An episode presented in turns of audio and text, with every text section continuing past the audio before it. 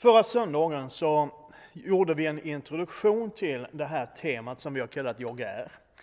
Utifrån Guds namn som skrivs JHWH och betyder Jag är. Och då sa vi att det finns en mängd tillägg till det namnet, eller beskrivningar, titlar, som lär oss någonting om den Gud som är. Och vi sa också att det finns löften som hänger samman med gudsnamnen. Och så sa vi att alla de här olika gudsnamnen som vi kommer att tala om under några veckor nu kan appliceras på Jesus. Allt som de står för finns hos Jesus. Och några av Guds namnen de återkommer ganska ofta i Gamla Testamentet. Andra är där mer sällan. Och när vi skulle välja ut vilka av alla de här ganska många gudsnamnen eller titlarna på Gud som vi skulle ta upp i den här serien, eh, så bestämde vi att vi ville predika om de namn, de titlar, de beskrivningar som förmedlar mest hopp och tröst och skapar tro i en tid av mycket oro och osäkerhet. Det var inte helt lätt att välja ut vilka av gudsnamnen vi skulle predika över. Därför att alla av dem lär oss någonting viktigt om den Gud som vi tror på. Men ett av dem var, inte minst med tanke på den tid som vi lever i just nu, väldigt självklart för mig. Och det är trots att det här är ett gudsnamn som faktiskt i skrift bara förekommer en enda gång i Bibeln. Det är det gudsnamn som på hebreiska hette eh, Jahve Shama. Och det kan översättas med Herren den närvarande eller Herren är där. Och som namn så finner vi bara Herren den närvarande en enda gång och då i Hesekiel 48. Vi ska strax läsa en vers därifrån. Låt mig bara först få påminna dig om vem Hesekiel var.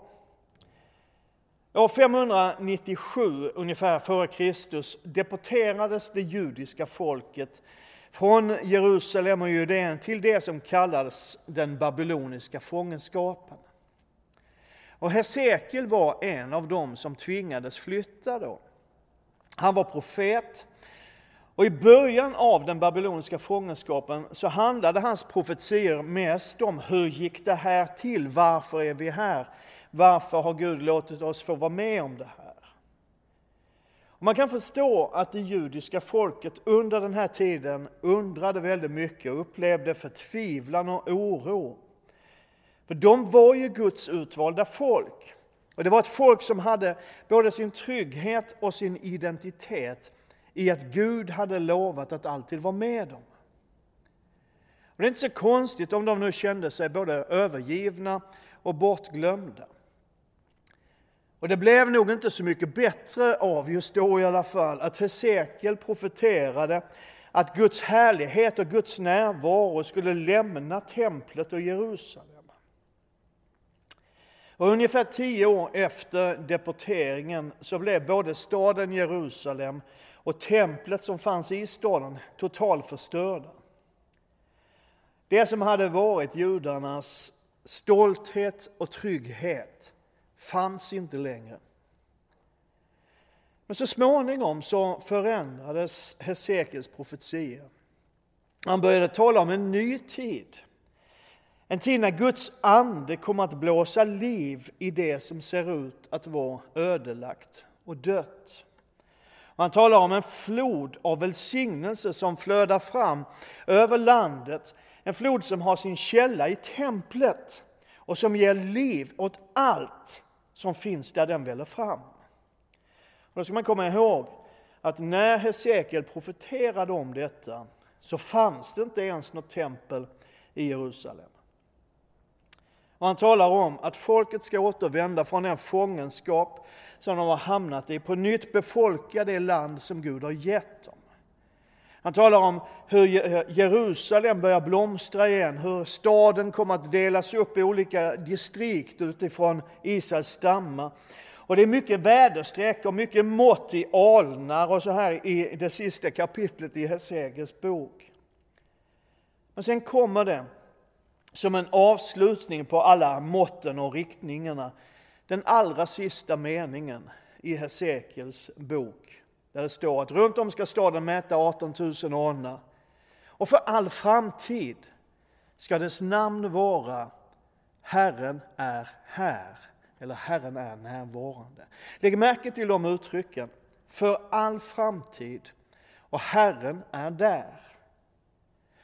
Hesekiels profetia fäster liksom ett löfte vid framtiden att Gud är där. Och jag har märkt i mitt liv, och du kanske har märkt det också, att den mesta av den oro och osäkerhet som vi människor upplever är på något sätt kopplad och knuten till framtiden. Vi undrar hur det ska gå och vi undrar hur det ska bli. Och ofta så bygger vår oro på ett eller flera om. Om det går dåligt för företaget. Om jag blir av med jobbet. Om jag blir sjuk. Om det där händer, eller om det där händer, hur blir det då? Men har du om det är så att det löfte som ligger inbäddat i Hesekiels profetia också gäller för dig och mig. För vår framtid. Och tänk om det är så att alldeles oavsett hur vår morgondag ser ut och vad som än händer så kan vi veta en sak. Att Gud är där. Förra söndagen så påminner vi om löftet i femte Moseboks 32 kapitel, om fjärde versen. Där Mose sjunger ut en lovsång och han säger att Gud är en trofast Gud som aldrig sviker. Och innan Mose sjöng den där lovsången till Gud, där de orden ingår, så, så, så hade han talat till folket. Han hade berättat att hans uppdrag var slutfört. Han ska inte gå med dem längre. Han följer inte med dem över floden och in i löfteslandet som Gud har gett. Utan nu kommer Josua ta över ledningen för folket. Så berättar Mose lite grann för dem om vad som ligger framför. Han säger, det kommer inte att vara lätt alla gånger. Ni kommer att möta motgångar och ni kommer att vara med om motstånd. Det finns människor som vill hindra er från att få det som Gud har lovat. Och det finns folk som vill ta ifrån er det Gud har gett er. Men även om det blir kämpigt och svårt, så var starka och frimodiga. Var inte rädda eller förskräckta, för Herren din Gud går själv med dig. Han ska inte lämna dig eller överge dig. när Mose har talat till hela folket så kallar han till sig Josua, den nye ledaren, uppmuntrar honom och han säger att det Gud har lovat kommer att ske. Alldeles oavsett motstånd och attacker, landet som han har gett till vårt folk kommer att bli ert. Så därför Josua, och så upprepas orden som, han, som Mose hade gett till folket också över ledaren Josua. Han säger Herren själv går framför dig han ska vara med dig. Han ska inte lämna dig eller överge dig. Var inte rädd eller förfärad. Igen. Gud fäster genom det han låter Mose säga ett löfte vid framtiden. Att hur den ser ut och vad som än sker, hur tufft det än blir, Gud är med dig. Han ska inte lämna dig, han ska inte överge dig.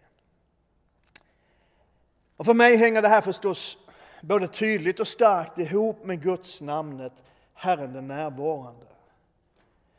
Och även om det namnet bara finns en enda gång i Bibeln så är hela skriften full av texter och händelser som understryker och bekräftar själva betydelsen och innebörden av, innebörden av det namnet. Jag skulle vilja dela några sådana berättelser med dig idag.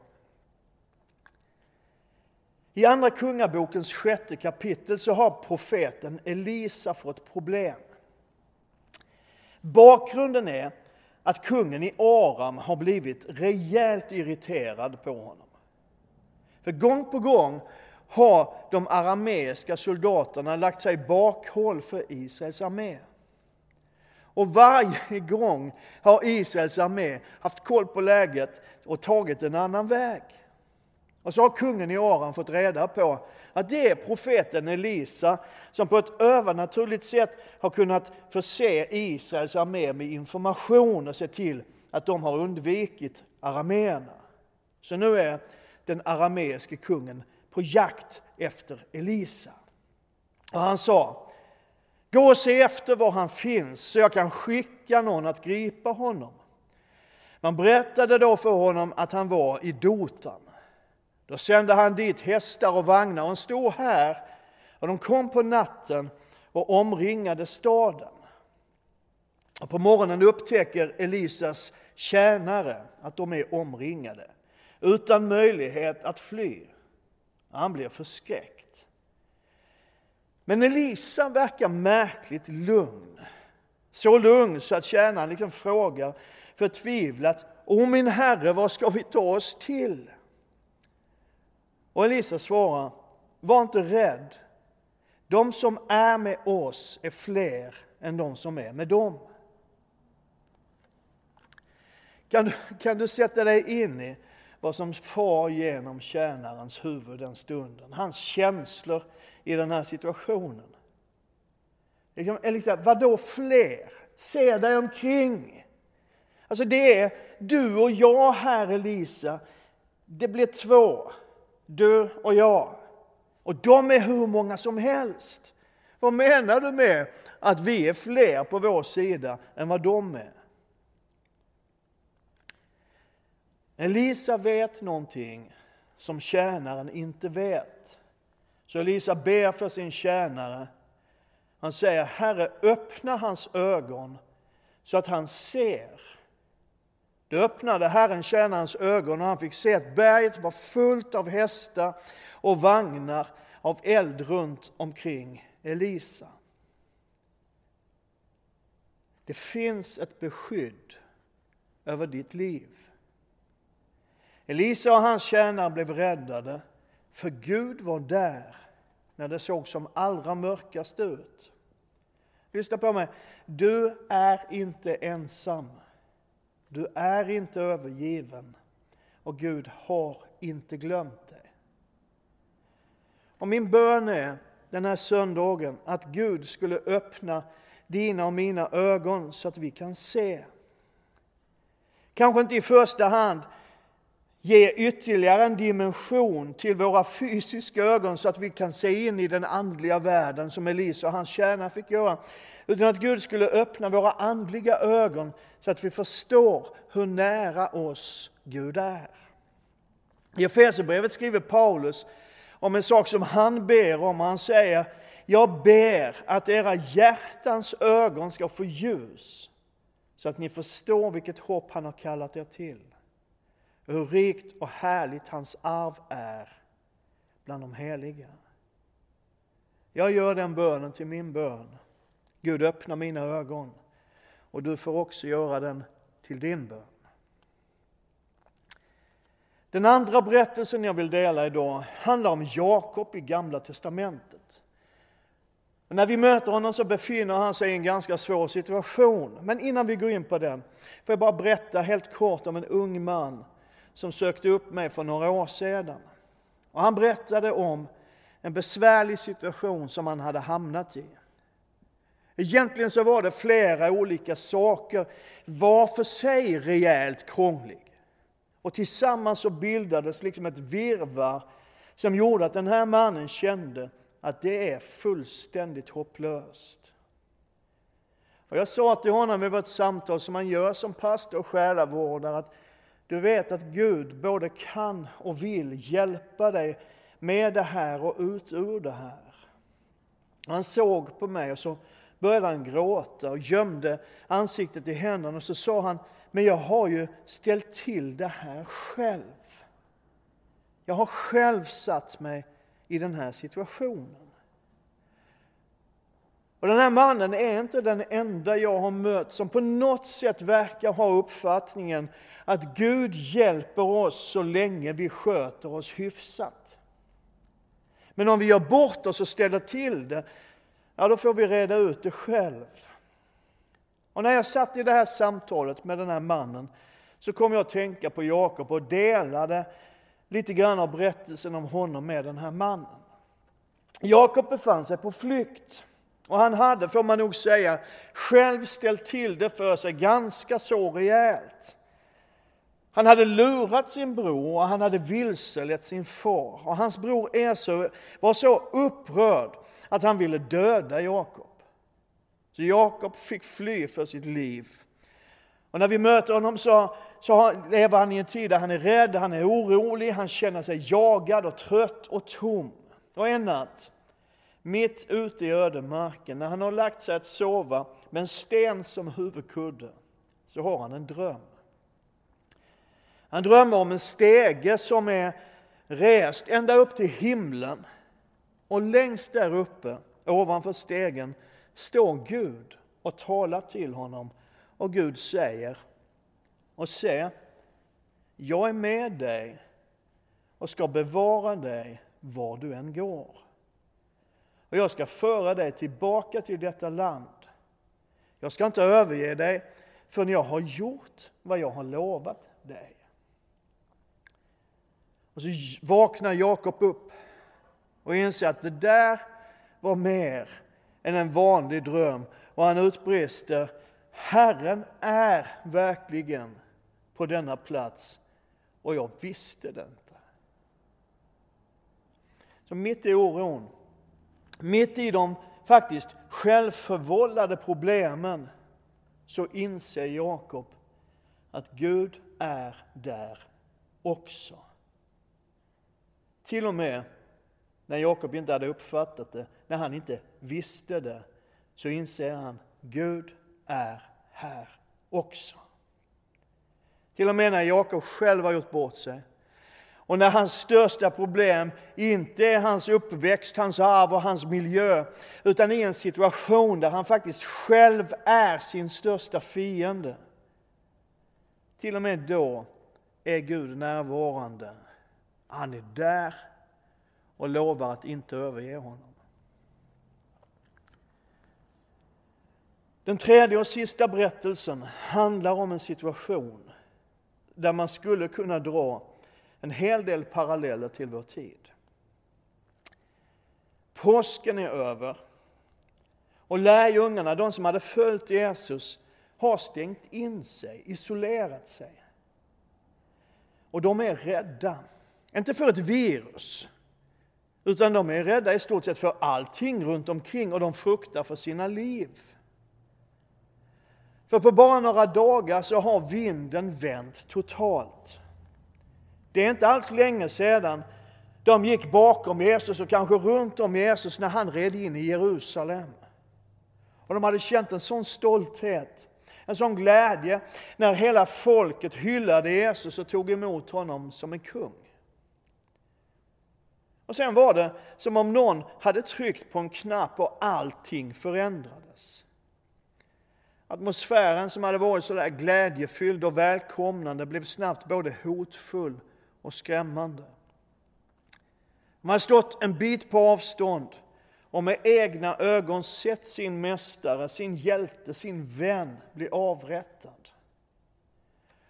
Och när han dog så dog också allt de hade planerat, allt de hade hoppats på, allt de hade längtat efter och sett fram emot. Så de har stängt in sig, låst dörrarna, bommat igen fönstren och rädslan lyser ur deras ögon. Och visserligen säger några att de har sett Jesus, att han har uppstått från de döda, men de vet inte riktigt vad de ska tro. De vet inte vad de ska tro om idag, de vet inte vad de ska tro om imorgon och framförallt inte vad de ska tro om framtiden. På kvällen samma dag, den första veckodagen, var lärjungarna samlade bakom låsta dörrar av rädsla för judarna. Då kom Jesus och stod mitt ibland dem och sa Frid vare med er. När han hade sagt detta visade han dem sina händer och sin sida. Och lärjungarna blev glada när de såg Herren. Plötsligt är Jesus där. De vet inte hur han har kommit in, men han är där. Och det kanske inte innebar just då så våldsamt mycket för den yttre situationen. Hotet från de upprättade invånarna i Jerusalem fanns säkert kvar och de yttre omständigheterna förändrades inte särskilt mycket. Men än en gång förvandlar Jesu närvaro deras hjärtan. Fyller dem med glädje och hopp. Ger dem tröst och frid. Och mitt i deras isolering och sociala distansering är Jesus där och ger dem modet tillbaka. Och då kanske någon frågar Christer, vad är det du vill säga med de här berättelserna? Hur jag vill säga till både dig och mig, för jag predikar lika mycket till mig själv som till dig idag. Att hur det än ser ut idag och hur det än ser ut imorgon och vad framtiden än bär med sig så kommer Gud att vara där. Han kommer inte att svika dig. Han kommer inte att överge dig. Han är Herren, den närvarande. Du vet de här personerna som vi har talat om idag, Elisa och Jakob och lärjungarna, de är inga superhjältar i Guds rike. Lyssna på vad jag säger nu. Guds omsorg om dem är inte större än hans omsorg om dig. Eller för att uttrycka det bättre. Guds omsorg om dig är lika stor som hans omsorg om någon person som vi kan läsa om i Bibeln. Paulus skriver i Romarbrevet 8 att jag är viss om att varken död eller liv, varken änglar eller furstar, varken något som nu är eller något som ska komma, varken makter, höjd eller djup eller någonting annat skapat ska kunna skilja oss från Guds kärlek i Kristus Jesus, vår Herre. Min vän, du är omsluten av Guds kärlek. Och en av de personer i Bibeln som har skrivit allra mest om egentligen hur det är att vara människa, hur det är att vilja lita på Gud, hur det är att ibland undra vad Gud är och vad han egentligen gör, det är kung David. Och han är inte heller direkt någon andlig superhjälte. Han svek sin övertygelse mer än en gång. Han misslyckades, han gjorde bort sig. Men med Guds hjälp så reste han sig igen gång på gång. Och han skriver om sin erfarenhet av Gud som den närvarande så här. Du omsluter mig på alla sidor och håller mig i din hand. Var kan jag gå för din ande? Var kan jag fly för ditt ansikte? Stiger jag upp till himlen så är du där. Bäddar jag åt mig i dödsriket så är du där. Tar jag morgonrodnadens vingar, gör jag mig en boning ytterst i havet, ska också där din hand leda mig och din högra hand hålla mig. Säger jag, låt mörker täcka mig och ljuset bli natt omkring mig, så är inte mörkret mörkt för dig.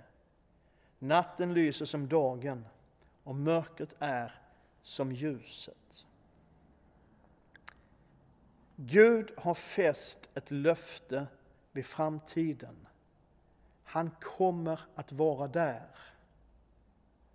Och han är nära dig just nu, idag och imorgon. Och ditt mörker som du kanske upplever just nu är inte mörkt för honom. Var du än finns så är han där. Amen.